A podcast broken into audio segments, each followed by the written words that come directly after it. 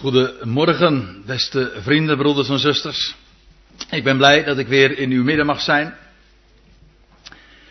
En om te beginnen wil ik u nog even heel hartelijk bedanken voor dat wat u geschonken hebt. En hoe uh, u uh, het werk wat ik mag doen ook ondersteunt. De beamer die hier staat, de laptop die ik uh, mag gebruiken. Het is. Het is, ik heb het van u mogen ontvangen en ik moet u zeggen, uh, het werkt allemaal prima. Het dreigde net eventjes mis te gaan, dacht ik. Maar ik denk dat het allemaal wel goed komt. Tot dusver heb ik uh, nog geen enkel probleem ervan ondervonden. Ik wil graag vanmorgen u meenemen naar een geschiedenis die we vinden in Johannes 21. In het 15e vers tot en met het 23e vers zullen we lezen. Althans, het grootste gedeelte daaruit. En het is een geschiedenis die we slechts in het Johannesevangelie aantreffen. En de geschiedenis op zich is heel erg bekend en ik wil u ook wel wat vertellen over de aanleiding. We lezen in Johannes 21, in het begin van het hoofdstuk, dat na de opstanding de enkele van de discipelen, om precies te zijn een zevental, naar het meer van Kinneret, het meer van Genezeret gaan, daarboven in Galilea, daar waar ze ook vandaan kwamen. En ze pakten hun oude beroep weer op en ze gingen vissen. Een hele nacht hebben zij niets gevangen. En dan in de vroege ochtend zien zij in, vanuit de verte, zien zij een, een man daar staan en die roept hen iets toe. Heeft gij ook enige toespijs? vraagt hij. En dan roepen zij vanuit het schip van, nou we hebben nog helemaal tot dusver niets gevangen de hele nacht. En dan, dan zegt die vreemdeling die daar aan de, de oever staat, want ze hadden hem tot dusver nog niet herkend, van werp je net uit aan de andere kant van het schip. En wat blijkt, als zij dat doen, dan zit het net helemaal vol. Met grote vissen en om precies te zijn 153 in getal. En u denkt misschien dat dat helemaal niks te betekenen heeft en dat de geschiedenis zomaar op zichzelf staat. Maar ik kan u vertellen, daar zit heel veel diepten in. En profetische betekenissen ook. Maar daar wil ik u vanmorgen eigenlijk niet zozeer bij bepalen. Wat je dan vervolgens leest is dat het Johannes is, ik kom op hem terug, ongetwijfeld, dat het Johannes is die als eerste herkent wie die vreemdeling daar aan de kant, aan de oever is. En dan zegt hij, het is de Heer. En dan is het Simon Petrus die als eerste uit de, boot springt en naar de kant toe gaat. En dan lees je, toen zij dan aan het land, aan land gekomen waren, zagen zij een kolenvuur liggen en vis daarop en brood. En bij dat kolenvuur wil ik u vanmorgen eens speciaal gaan bepalen over de betekenis daarvan. In elk geval, zij herkennen, zij hebben dus inmiddels gezien wie hij is. En, en daar gaan zij dan vervolgens ook met die, in eerste instantie, vreemdeling, maaltijd houden. En dan lees je in vers 15, dat is dus een aantal versen later. Toen zij dan de maaltijd gehouden hadden, zeide Jezus tot Simon Petrus: Simon, zoon van Johannes, heb jij mij waarlijk lief meer dan deze?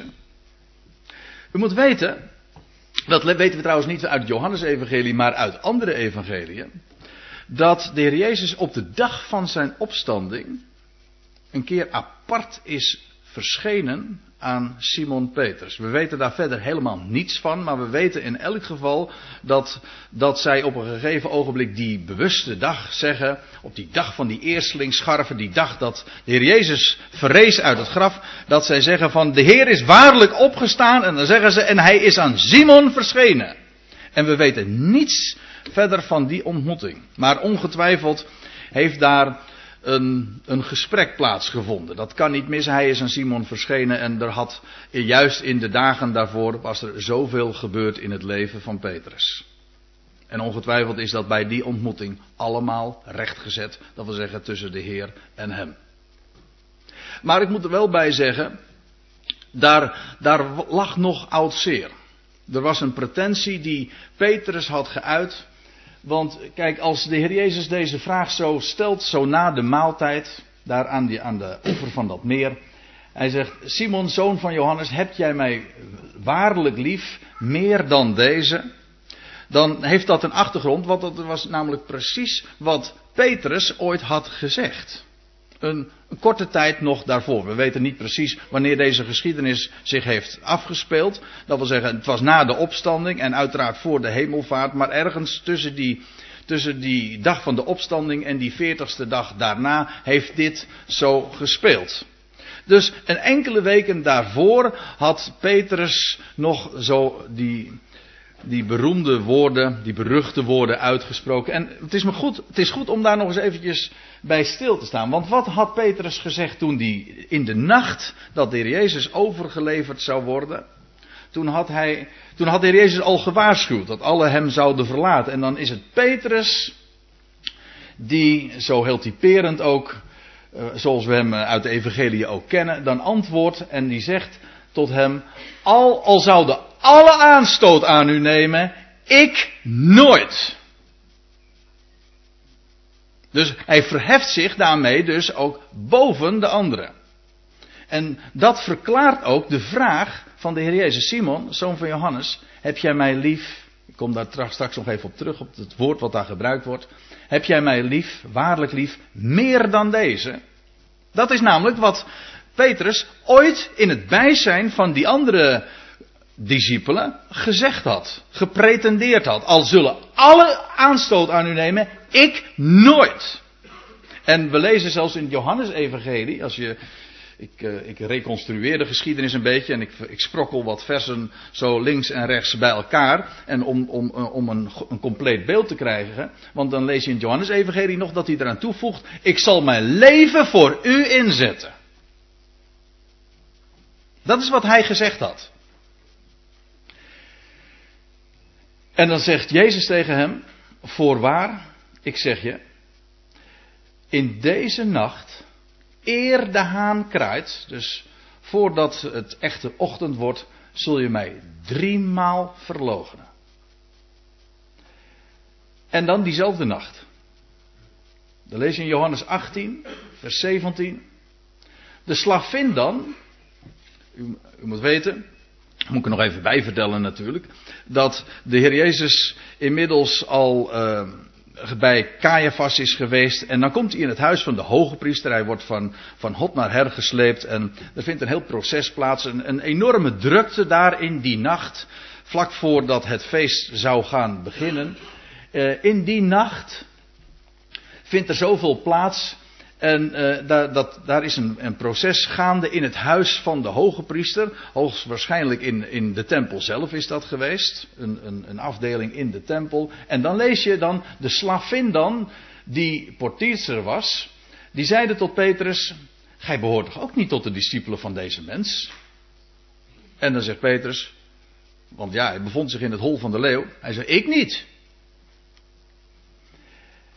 En dan lees je een vers later. De slaven en de dienaren stonden zich te warmen bij een kolenvuur. Eigenaardig hè. Dat, dat moet je opvallen, want beide geschiedenissen die we nu onder de loep nemen, namelijk in Matthäus of in Johannes 21, als in Johannes 18, in beide geschiedenissen wordt daar gesproken over dat kolenvuur. Als de Heer Jezus begint te spreken tot Simon Petrus en hij en dat wordt eigenlijk allemaal weer in de herinnering van Petrus geroepen, dan is ook de locatie zo veelzeggend. Het herinnerde Petrus ongetwijfeld, ook pijnlijk, aan, aan wat er ooit een paar weken tevoren in de nacht was gebeurd. Ook bij een kolenvuur.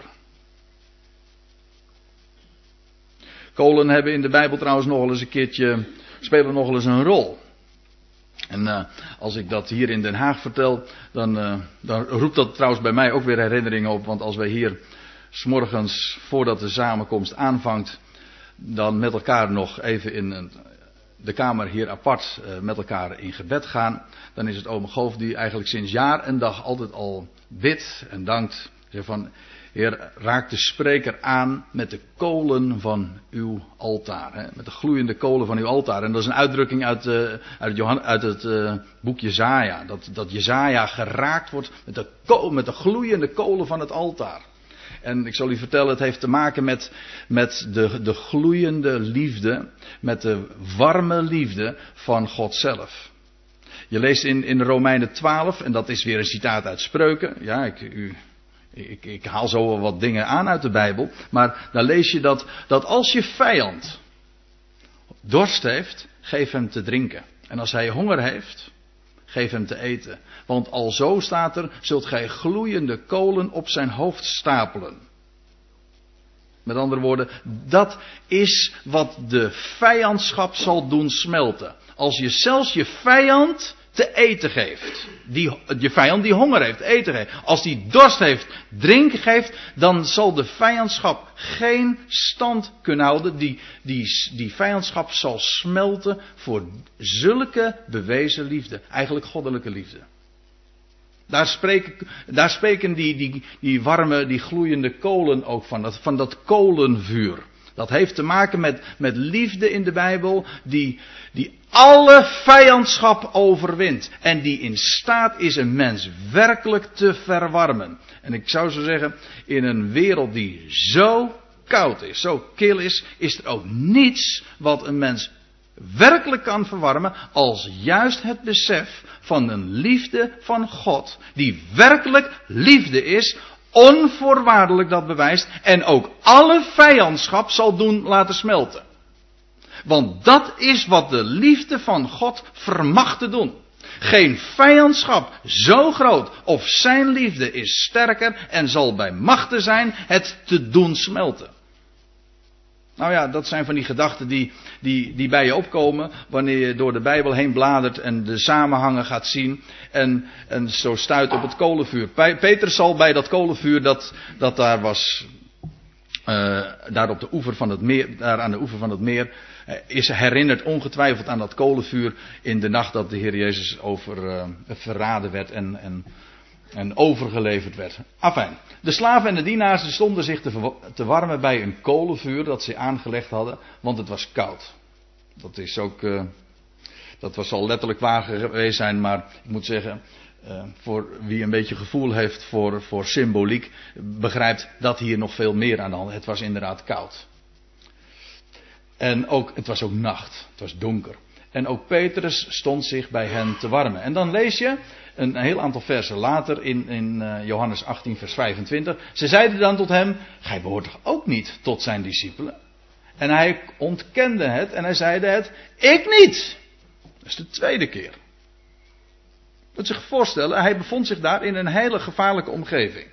Het was niet moeilijk, het was, het was, het was moeilijk om zich daar staande te houden. Hoewel, maar in elk geval, het is Petrus die dan zegt, die het ontkent als hij als alleen maar de vraag gesteld wordt van, behoort hij ook niet tot zijn discipel? Hij ontkende het en hij zei, ik niet.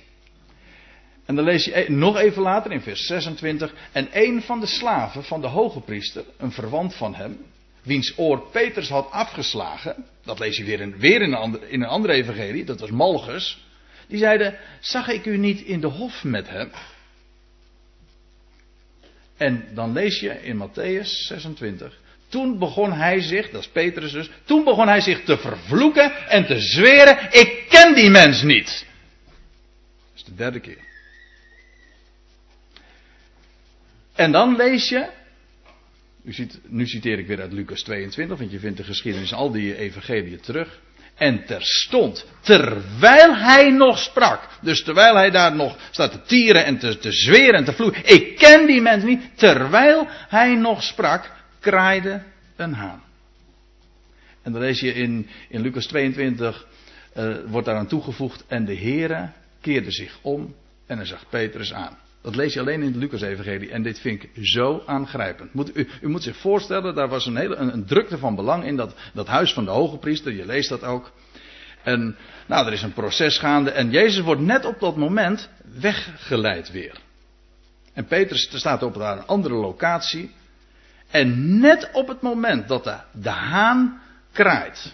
daar ergens buiten of zo. En Petrus daar nog aan het tieren is. En, en, en, en uh, echt roept van ik ken die mens niet. Op dat moment wordt Jezus weggelaten en kijkt Jezus net om. En de Heere keerde zich om en hij zag Petrus aan. En die twee blikken kruisen elkaar. Kunt u zich voorstellen wat dat voor een moment is geweest? En je leest ook dat Petrus dan, en dat staat dan in het volgende vers, en Petrus herinnerde zich het woord des Heren. Hoe hij tot hem gezegd had, een paar uur nog van tevoren. Eer de haan heden kraait, zult ge mij driemaal verloochenen. En Petrus die zo hoog op had gegeven over zijn liefde voor de Heer, was hier zo onderuit gegaan. Binnen een paar uur. Had Petrus dan niet echt gemeend? Ja, ongetwijfeld. Maar hier zie je, in de, hier zie je echt uitgebeeld wie de mens is. En wat de liefde van de mens voor de Heer is. Je leest trouwens nog dat, dat Petrus, die, die zich op dat moment, als, als de haan dan kraait en hij, hij kijkt de Heer recht in de ogen aan. En dat zal ongetwijfeld maar een moment geweest zijn, want Jezus werd weggeleid. En dan lees je dat Petrus, en hij ging naar buiten en hij weende bitter. En wat een dagen zullen dat geweest zijn die erop gevolgd zijn. Voor Petrus. Nou, en nou gaan we nu weer even terug naar Johannes 21, want daar waren we. Ik roep u dit even in herinnering, om, om, even, om goed voor ogen te hebben wat er aan de hand was. Dus als Petrus deze vraag krijgt, hè, Simon, zoon van Johannes, heb jij mij waarlijk lief, meer dan deze? En dan is het Petrus die antwoordt, en hij zei tot hem, ja heren, gij weet dat ik u lief heb. Eigenlijk staat er genegen ben. Ja, daar moet, moet ik even iets over vertellen, want dat is een beetje lastig. Wij kennen één woord daar, wij kennen niet die variatie van, van woorden die, die, die de Bijbel daar wel voor gebruikt. En dat geeft per definitie een verarming in de tekst. Want wat, wat je eigenlijk ziet, hier wordt in het Grieks een, een woord gebruikt. De Heer zegt van heb jij mij waarlijk lief? Meer dan deze. De, de Heer gebruikt het woordje agape. U hebt er ongetwijfeld hier wel eens over gehoord. Agape. Dat is, dat is goddelijke liefde. Dat is liefde die onvoorwaardelijk is. Maar als Petrus antwoord geeft, dan zegt hij niet, dan gebruikt hij niet het woordje agape, hij gebruikt een veel lager woord. Eh, hij gebruikt het woordje phileo, wat wij trouwens ook wel kennen, want het wordt uh, gebruikt in een heleboel woorden. Hè. Een, filantroop, dat is iemand die van mensen houdt, die menslievend is. Dat woordje phil, dat betekent genegen zijn. Dus dat zijn twee verschillende woorden die gebruikt worden. De Heer, vraagt, de Heer stelt aan Petrus de vraag van, heb je mij lief? Meer dan deze. En dan zegt Petrus geeft antwoord met een veel, eh, gebruikt een heel ander woord. Die gebruikt niet het woordje liefde, durft hij niet in de mond te nemen. Hij spreekt over genegenheid. Hij zegt, ja heer, u weet dat ik u genegen ben. Laat, ik wil dat, die weergave wil ik even vasthouden om aan te geven dat als ik het woordje liefde gebruik, heb ik het over AKP. En als ik het woordje filio gebruik, dan hebben we het over genegenheid. Genegenheid die je voor iets of iemand hebt. En Petrus gebruikt dat woord. En Petrus die pretendeert niet zoveel. Hij gebruikt sowieso. Hij durft niet dat woordje liefde te gebruiken. Hij, spreekt, hij spreekt slechts over genegenheid. En hij doet een beroep op, op de Heer. Hij zegt van u weet het. U weet dat ik u genegen ben. En dan lees je vervolgens dat de Heer Jezus tegen hem zegt: Wijd mijn lammeren. Geen woord van verwijt. Maar hij geeft hem een geweldige taak. Hij zegt: Wijd mijn lammeren. Ga mijn Ga de lammeren van de kudde, ga ze voeding geven. Want dat is weide, hè? Dat is, geef ze voedsel.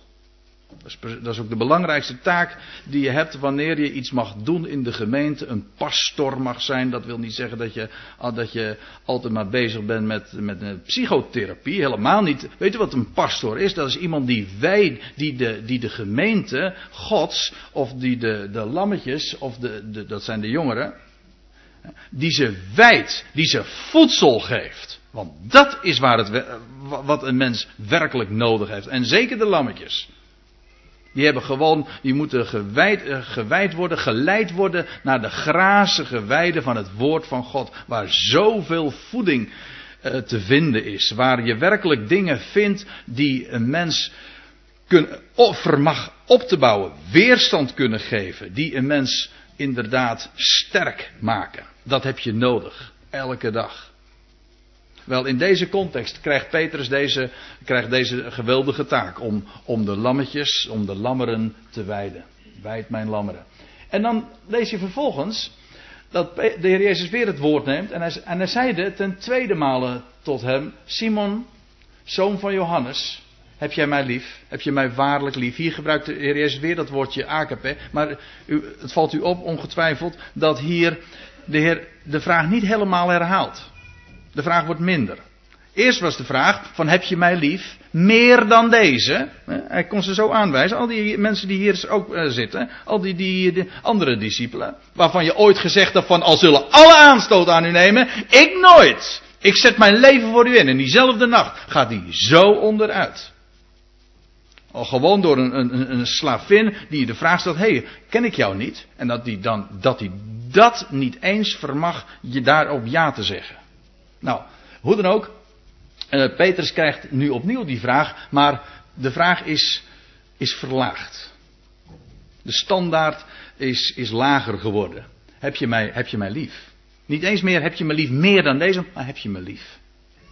En dan is het Petrus die weer exact hetzelfde antwoord geeft. En hij zei tot hem: Ja, Heer, gij weet het dat ik u genegen ben. Niet het woordje liefde gebruikt hij opnieuw niet. Hij zegt: Ja, Heer, u weet dat ik u genegen ben. En dan zegt de Heer Jezus tot hem: Hoed mijn schapen. Dat wil zeggen, hoeden. Hè, eh, wees een herder voor de schapen. Behoed ze. Want dat is wat hoeden eigenlijk is. Behoed ze voor gevaren. Wijd de lammeren en hoed de schapen. Behoed ze. Behoed ze voor de gevaren die er dreigen. Behoed ze voor, voor leringen, want dat is het in de, in de praktijk. Behoed ze voor leringen die hen schade doen. En dan lees je in vers 17, en hij zeide ten derde male tot hem. Dus de heer Jezus richt zich tot de, voor de derde keer tot Petrus. Simon, zoon van Johannes. Ben je mij genegen? Ziet u, dat het maar niet drie keer dezelfde vraag is. Het is drie keer een heel andere vraag. De vraag wordt, wordt steeds minder. Dus de eerste, de eerste keer vraagt de Heer Jezus: Heb je mij lief? Meer dan deze. De tweede keer vraagt, en dan zegt Petrus: Heer, u weet dat ik u genegen ben. De tweede keer vraagt, vraagt de Heer Jezus: Heb je mij lief? En dan zegt Petrus weer: Heer, u weet alle dingen. U weet dat ik u genegen ben. En de derde keer vraagt de Heer Jezus. Dan gaat hij helemaal op het niveau. Ga, neemt hij het woord over wat Petrus had gebruikt. En nou zegt hij: Van ben je me genegen? Zelfs daar wordt nu een vraag, teken achter gezet. Ben je me genegen? En dan zegt Petrus. Petrus werd bedroefd. Kun je je voorstellen? En Petrus werd bedroefd dat hij voor de derde maal tot hem zeide: Ben je mij genegen? En hij zeide tot hem, Petrus, Petrus zei, dus tot, tot de Heer, Heer, gij weet alles. Gij weet dat ik u genegen ben. Alle pretenties waren weg. Alles. Nu, in wezen wat hier gebeurt, is dat Petrus ook in ere wordt hersteld te midden van zijn discipelen. Hij had zich verheven boven hen. En nu krijgt hij te horen. En nu heeft hij zo bitter en zo pijnlijk moeten onder, moeten ervaren. Van dat hij niet meer was dan, dan die anderen. Helemaal niet. Integendeel. Dus zijn liefde voor de Heer, ach, wat is dat? We kunnen daar misschien wel heel hoog over denken. Hè, over onze liefde voor Hem. Maar het stelt in de praktijk niet zoveel voor, want er hoeft maar dit te gebeuren. Een slavinnetje hoeft maar een vraag te stellen als je je bevindt in een omgeving die, waarin je je niet helemaal veilig voelt, dat je al helemaal onderuit gaat. Er is niet zoveel nodig. Heren, gij weet alles. Gij weet dat ik u genegen ben. Dat is wat, het enige wat Petrus nog kan zeggen. En dat, dat was natuurlijk ook precies. Dat kwam ook uit het uh, recht uit zijn hart. En dan zegt de Heer Jezus tegen hem: Wijd mijn schapen. Ook drie keer wordt hier uh, een, een, vergelijkbare zin gezegd. En, en, het verschil is toch opmerkelijk. Eerst wijd mijn lammeren. Vervolgens hoed mijn schapen. Dat wil zeggen, de, de oudere schapen moeten ook behoed worden. En vervolgens, ze moeten ook gewijd worden. Ik laat dat even rusten. Want ik wil u op iets anders wijzen. Juist ook in verband met wat ik tot dusver heb gezegd.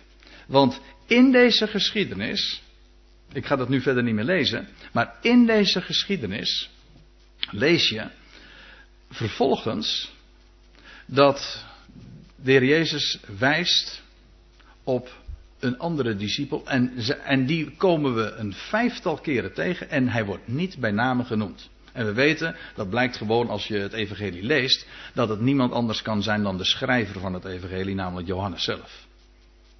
Maar weet u hoe, hoe hij zich iedere keer beschrijft, zich benoemt als de discipel die Jezus lief had. Moet er wel iets heel belangrijks bij zeggen. Want als je dit zo leest, oppervlakkig, zou je kunnen denken dat dit betekent van, oh het is de discipel die liefde had voor Jezus. Maar dat betekent het uitdrukkelijk niet. De discipel die Jezus lief Dit is een beetje oud-Nederlands, heeft met naamvallen te maken, maar het betekent, het is de discipel die geliefd werd door Jezus. Het is dus niet. Johannes noemt zichzelf niet de, de, de discipel die liefde had voor de Heer. Maar hij benoemt zich standaard vijf keer als de discipel die geliefd werd door de Heer. En dan moet ik erbij zeggen, niet exclusief, maar hij was zich daar zo van bewust dat hij geliefd was. Hij wist niet zoveel. Hij spreekt niet over zijn liefde voor de Heer, maar hij, hij spreekt maar van één ding. Hij zegt: Ik ben geliefd door de Heer. En tot vijf keer toe lees je dat in, deze, in dit evangelie. En ik vind uh, de moeite waard om dat eens even te, te laten zien. Die vijf keer dat, het, dat die zin gebruikt wordt. De eerste keer is in Johannes 13. Dan lees je. Een van de discipelen, het is daar in de opperzaal en dat daar ook in de nacht dat de Heer Jezus zou worden overgeleverd, dat daar eerst dat, dat die maaltijd nog plaatsvindt. En dan lees je dat dat daar van die gesprekken plaatsvinden en dat Jezus ook voorzegt dat een van de discipelen niet alleen maar hem zou verloochenen, maar een andere discipel zou hem verraden. En dan lees je, en een van de discipelen, namelijk die Jezus liefhad, lag aan de boezem van Jezus. Dus de eerste keer dat, hij, dat Johannes zichzelf zo benoemt. Niet bij, niet bij name noemt, maar hij, het enige wat hij zegt, eh, de discipel waar het nu over gaat, hij werd geliefd door Jezus. Dat is de eerste keer. En dan vind ik het zo bijzonder al dat er staat van hij lag aan de boezem van Jezus. U moet zich voorstellen, ze zaten daar niet aan tafel, maar ze lagen daar aan tafel. Dus dan lig je, uh, dan lig je inderdaad aan iemands boezem. De tweede keer dat je die uitdrukking leest, is in Johannes 19. En dan staat er toen dan Jezus aan het kruis zijn moeder zag en de discipel die hij lief had. Hier, hier zie je echt dat het gaat om, de, om, om het feit dat het Jezus inderdaad is die liefde had voor deze discipel. De discipel die hij lief had, bij haar staande, zeide hij, en dan even later, hij zei tot de discipel, zie uw moeder. En van dat uur af nam de discipel haar bij zich in huis. Terwijl alle discipelen trouwens waren gevlucht, dat lees je. Petrus, die zo hoog had opgegeven over zijn liefde voor de Heer, meer dan die anderen, wel ze waren allemaal weg. Er was er één die aan het voet van het kruis stond. Die niet aan zichzelf dacht, maar hij krijgt de zorg voor, die, voor zijn moeder toevertrouwd. Hoe dat precies zit, daar gaan we het nu verder niet over hebben. Het gaat er even om dat Johannes, die bevindt zich. Wat moet dat voor de Heer Jezus trouwens ook betekend hebben? Dat hij, dat hij daar die ene discipel heeft gevonden. Die niet over zijn eigen liefde sprak. Maar die zich slechts bewust was van de liefde van, van de Heer voor hem. Dat is het enige namelijk wat telt. Dat is ook de enige constante factor hoor. Dat is het enige waar je, waar je op kunt steunen. Dat is ook het enige wat werkelijk wat in een mensenleven vermag te doen. Het brengt ons inderdaad in intimiteit met Hem. Wanneer je je daarvan bewust bent. En het brengt ons bovendien. Uh, het trotseert ook de grootste gevaren. En bovendien. Uh, ja, het, het loutere feit dat deze discipels daar aan de voet van het kruis zich bevindt. Op dit moment, terwijl alle waren weggevlucht. Dat zeg, is toch wel heel veelzeggend. Het was een discipel die geliefd werd door de Heer. En dat is Johannes. De derde keer, dat zijn we een paar dagen later, want dan, dat is op de, de ochtend dat de Heer Jezus het graf leeg achterliet. En dan lees je in Johannes 20, vers 2. Eilings kwam zij, dat is Maria van Magdalena, dan bij Simon Petrus en bij die andere discipel die Jezus lief had. Heel gek dat het zo iedere keer zo cryptisch gezegd wordt. Het is gewoon de schrijver die zichzelf daarmee op de achtergrond plaatst. Hij zegt: Het enige wat ik weet, ik ben geliefd door hem. Dat is het enige wat ik kan vertellen over mezelf. Wat ik wil vertellen over mezelf. Hij heette trouwens Johannes, dat is ook veel zeggen, en dat betekent de Heer is genadig. Goed, die andere discipel die Jezus lief had en, en, en, en zeide tot hen, dat wil zeggen, Maria van de Magdala die had dat, had uh, gezien dat de steen was weggewenteld. En in paniek uh, komt ze dan net Simon, uh, Petrus en die andere discipel, die Jezus lief had tegen. En ze zeiden tot hen, dus tegen Simon en Johannes, tussen Petrus, tegen Petrus en Johannes. Ze hebben de Heer weggenomen uit het graf en we weten niet waar, we, ze hem hebben neergelegd.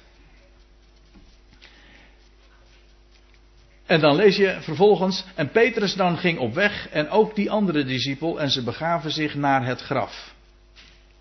En die twee liepen samen snel voort en de andere discipel, dus die Jezus lief had, liep vooruit, sneller dan Petrus, dat is op zich al heel eigenaardig.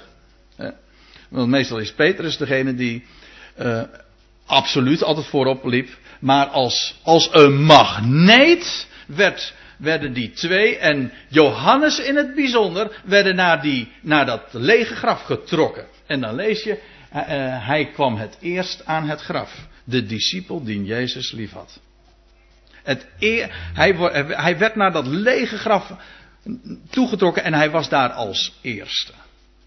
Dat is de derde keer dat je leest over de discipel die Jezus lief had. Dan de vierde keer. Johannes 21.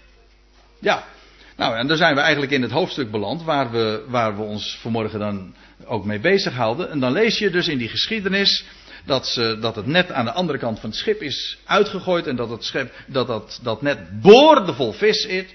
En dan staat er de discipel dan die Jezus lief had, die geliefd werd door Jezus, die zich geliefd wist door Jezus, zo moet je het zeggen, want anders klinkt het zo exclusief. Dat is, niet, dat is helemaal niet aan de orde. Maar die zich geliefd wist door Jezus, die zeide tot Petrus: Het is de Heer. En Simon Petrus dan, toen hij hoorde dat het de Heer was, sloeg zijn opperkleed om, want hij was ongekleed en hij wierp zich in zee. Maar het is de discipel die Jezus liefhad, die als eerste de opgestane herkent en zegt: Hé, hey, het is de Heer.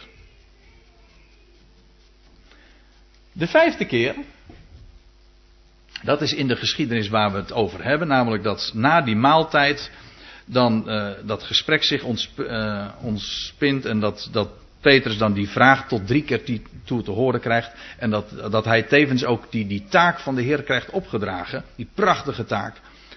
En dan, en dan, dan lees je ook dat Petrus te horen krijgt van volg mij. Hè? En dit gezegd hebbende sprak hij tot hem, uh, tot Petrus dus, volg mij. En dan lees je, en Petrus, zich omwendende, zag de discipel volgen die Jezus lief had. Terwijl Petrus dus de instructie krijgt, volg mij, was daar al die andere apostel die geliefd werd door Jezus, die Jezus al volgde. Hij, had, hij kreeg niet eens die instructie. Hij, kennelijk waren ze, waren ze aan het ze bewogen, want Jezus liep kennelijk weg en het was Johannes die daar achteraan ging. Zonder dat hij te horen kreeg van volg mij. Nee, Johannes die volgde hem zelf al. Zonder die, die aansporing. En die, je leest dan nog uh, hele bijzondere dingen die gezegd worden, zowel over Simon Petrus als ook over Johannes. Ik laat het nu allemaal rusten. Het gaat mij nu alleen even om het, om het contrast tussen aan de ene kant Petrus. Die, die zo hoog had opgegeven over zijn liefde voor de Heer. En aan de andere kant Johannes. Die niets van zichzelf pretendeert. Maar die alleen wist. Het is de Heer die mij lief heeft. Dus je leest vijf dingen van hem. Ik zou het ook zo willen, willen en kunnen zeggen. Wat heeft die liefde van de Heer met Johannes gedaan? Nou, in de, in de eerste plaats, het bracht hem dicht bij hem. Hij lag aan Jezus' boezem. In de tweede plaats, hij, hij was als enige bij het kruis en hij dacht niet aan zichzelf. Als derde, hij was het eerste als eerste naar het lege graf gerend. Het vierde, hij herkende als eerste de opgestane Jezus. En tenslotte, zoals we dat gezien hebben, hij volgde Jezus zonder aansporing zelfs daartoe. Ziet u wat de liefde van hem in een mens kan bewerken? Johannes wist één ding. En dat was de liefde van God. Liefde, en als we het hebben over AKP, ik gebruikte dat woord zojuist al, en toen zei ik al daarover, het is goddelijke liefde, want het is namelijk onvoorwaardelijk. Genegenheid, dat kan zomaar, hè, als de dat is als de golven der zee, dat kan hoog opgezweept worden en het kan soms ook weer zomaar wegzakken. Dat is, dat is onze liefde voor Hem. Stelt niet veel voor. Laten we daar nooit uh, ons. Uh, Laten we daar nooit op zien. Dat is eigenlijk ook wat ik vanmorgen wil, wil vertellen. Aan de ene kant heb je dus Petrus die zo hoog dacht over zijn trouw, over zijn liefde voor de Heer. En dat bleek helemaal geen grond te zijn. Aan de andere kant hebben we daar Johannes die zich bewust was van Gods genade, van Gods liefde. En wat dat in een mensenleven kan doen. En dan wil ik u tenslotte nog wijzen op wat we lezen in Openbaring 2. Want dat is een, eh, een woord wat dan nog eens een keertje wordt aangehaald. Eh, we lezen dat, dat is trouwens ook geschreven door Johannes, het boek De Openbaring. En dan lees je dat daar brieven gezonden zouden worden aan de zeven gemeenten in Klein-Azië. En dan lees je de eerste brief, dat is gezond, die zou gezonden worden aan de gemeente van Efeze. En dan staat er, er worden een heleboel dingen van die gemeente gezegd. Maar dan staat er in vers 4 van Openbaring 2, dat de Heer Jezus tegen die gemeente zegt, maar ik heb tegen u dat gij uw eerste liefde verzaakt hebt. Ja. En wat zou dat zijn? Er wordt vaak, er wordt vaak aan, aan, aan gerefereerd, aan die eerste liefde. En misschien herkent u dat wel. Ik, uh, ik hoorde van de week dit lied. Dat is een heel mooi lied trouwens, een heel mooie gospelsong. Maar daarin, en, we, en ik heb trouwens gezien dat in de, dat zag ik zojuist in, voordat we begonnen, toen bladerde ik, bladerde ik nog eventjes door de opwekkingsbundel. Toen zag ik ook dat een soortgelijk lied ook in deze bundel staat. En ik uh, zeg dat helemaal niet uh, met rancune of zo, uh, dat ik daarop wijs. Maar ik wil u, ik wil op, op, een, op een hele, toch een hele grote fout wijzen. Namelijk over die eerste liefde. Dit is een, een, lied, Herstel mijn eerste liefde. En dan, dat begint zo. Dus het is de refrein. Herstel mijn eerste liefde. Zijn er hier die het kennen? Nee? Herstel mijn eerste liefde die ik ooit had voor u. Want ik wil van u houden, nog zoveel meer dan nu. Mijn hart moet weer gaan branden, zoals het heeft gedaan. Vol vuur en vol van hartstocht, die nooit meer weg zal gaan. Een schitterende tekst, hè? En toch staat hier een grote fout in. Weet u dat?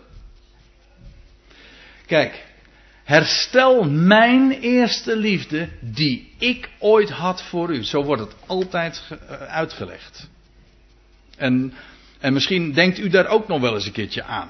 Je, dat, dat, dat, dat, zie je als, als mensen tot, tot geloof komen. En zeker wanneer, eh, wanneer, dat, eh, wanneer er sprake is van een heel groot contrast. Wanneer ze echt uit de shit van het bestaan komen. Uit de wereld rechtstreeks tot geloof komen. En zo overweldigd worden door de liefde van God. En dan, zijn ze, dan, dan is daar zo'n enorm enthousiasme. Zo'n enorm laaiend vuur. En op een gegeven ogenblik wordt dat minder. En dan begrijp ik ook heel goed wat hier staat. Herstel mijn eerste liefde die ik ooit had voor u. Maar ik moet u zeggen, het is niet waar. Weet u wat, waarom het niet waar is? De eerste liefde, dat is niet de liefde die wij ooit hadden voor hem. En ik, zal u, ik kan het u bewijzen ook. Want het is Johannes zelf die het antwoord ook geeft. Er staat in Johannes, 1 Johannes 4, dat hij, dat hij, dan zegt hij deze woorden. Wij hebben lief omdat hij ons eerst heeft lief gehad. De eerste liefde, dat is niet de liefde die wij ooit voor hem hadden in het begin. Nee, het is de liefde die daaraan vooraf gaat. Dat is de eerste liefde. Namelijk de liefde die hij heeft voor ons. Werkelijke liefde. Die ook niet aan, aan stemmingen onderhevig is. Een liefde die ook niet meer wordt wanneer je goed presteert. En een liefde die ook niet minder wordt wanneer je het helemaal verbruikt hebt en wanneer je, wanneer je zo gezonken bent. Zoals bijvoorbeeld Petrus. Dacht u werkelijk dat de liefde van de Heer voor Petrus minder was geworden nadat dit gebeurd was? En dat is. Was dat een antwoord? Nee, natuurlijk niet. De liefde van God is, een, is onvoorwaardelijk. En die, is, die kan niet hoger worden. Die, die, Kijk, we, we zingen daarover. juist die kinderliedjes daarover vind ik het allermooiste. Hè? Die zeggen van wijd, wijd, wijd als de zee. Of wijd, zijn liefde is zo wijd, hoe ging die ook alweer? Je kunt er niet omheen. Hè? Je kunt er niet omheen. Nee, weet u waarom niet? Omdat die namelijk, die liefde van God omvat allen. En daarom kun je er niet omheen. Het sluit namelijk allen in. Dat is zo geweldig. De liefde van God heeft niet te maken met wie je bent of wat je gedaan heeft. Het heeft te maken met het feit dat u zijn schepsel bent. Maaksel van zijn handen. Daarom houdt hij van mij. Niet om wat ik gedaan heb of om, of om. En die liefde wordt ook niet minder door wanprestaties. Die liefde is een constante. Ik ben namelijk zijn maaksel. Ik ben klei in de hand van de pottenbakker. En hij heeft een plan met mij. Zoals hij een plan heeft met iedereen.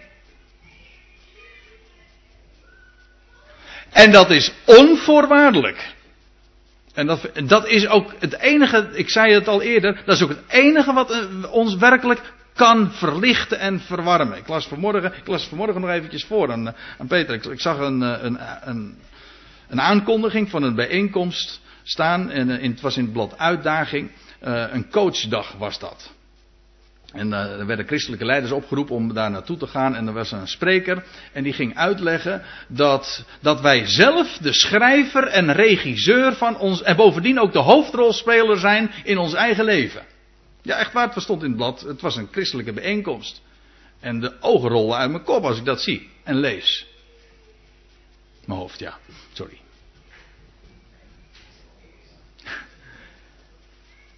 Dat, we, dat wij zelf de schrijver en de regen. Hij, zei, weet u wat hij erbij zei? Zo bescheiden hij nog was, was hij nog wel. God is de producent.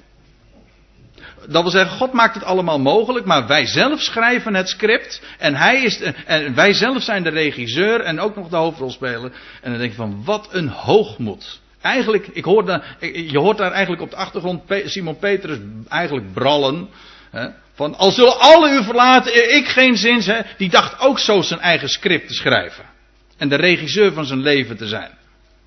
En de mens, wordt klein gemaakt. En gaat gewoon namelijk ook onderuit. En dat is wat, en dan leer je werkelijk de les, namelijk dat het gaat om zijn liefde voor ons.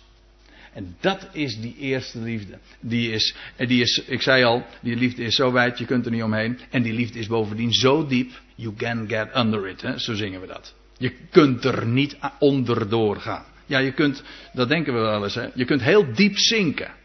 Het leven kan heel diep gaan, maar nooit zo diep dat zijn liefde jou niet zou kunnen bereiken, want zijn liefde gaat namelijk altijd dieper.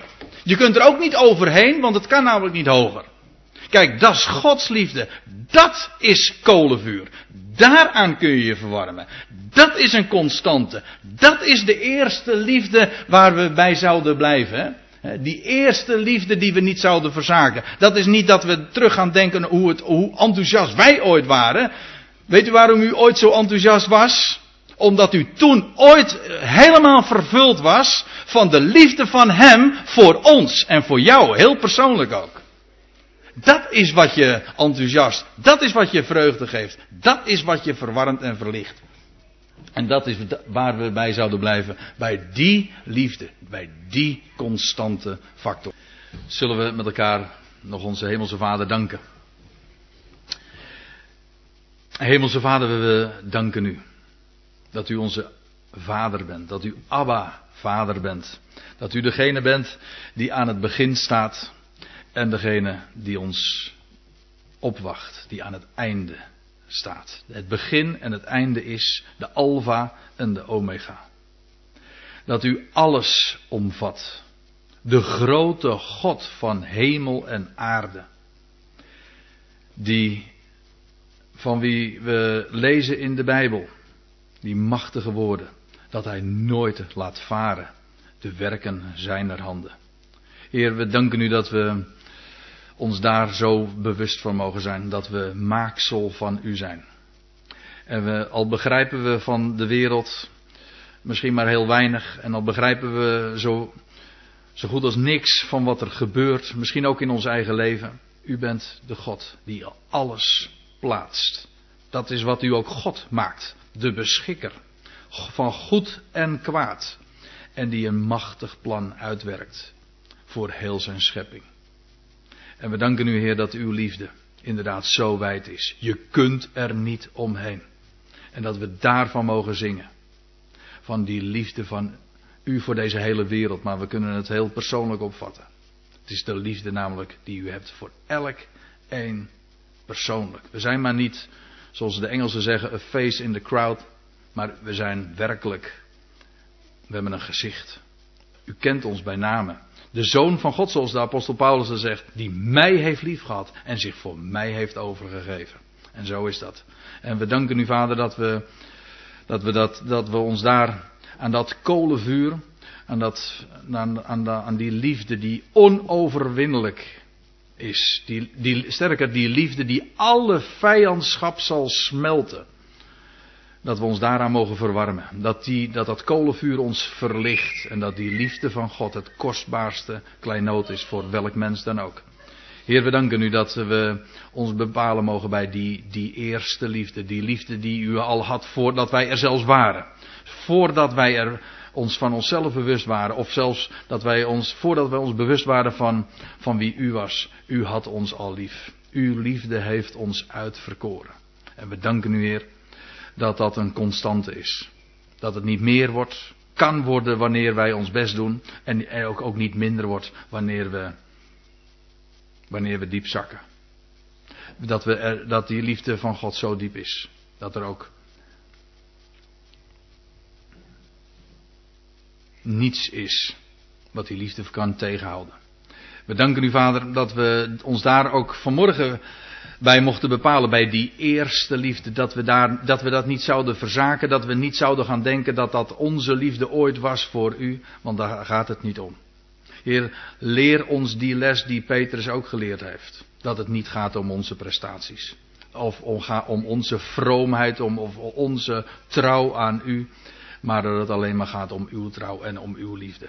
Dat we daar hoog over opgeven. Dat we dat zouden verheerlijken. Dat we zo'n licht ook mogen zijn in een donkere wereld. Niet wijzend op onszelf, maar wijzend op u alleen. We danken u, Heer, dat we zo ook een getuige van u mogen zijn. En dat die liefde, wanneer we ons daarvan bewust zijn, dat die liefde zoveel ook kan bereiken in ons leven. Dat die liefde vermag ons hart te veranderen.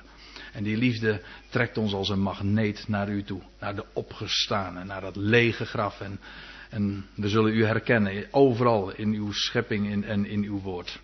Heer, we danken u dat we elkaar zo ook bij u mogen aanbevelen. Dat uw liefde zoveel meer kan dan we zelfs maar kunnen beseffen of dromen. Heer, we danken u dat we in die liefde wel gegrond en geworteld mogen zijn. En dat we daar onze wortels in mogen uitslaan. En dat we ook weten dat het onuitputtelijk is. Dat we elke dag daar meer dan genoeg aan hebben. En zo, Heer, bevelen we ons bij u aan. Bij die eerste onvergankelijke liefde van u. Amen.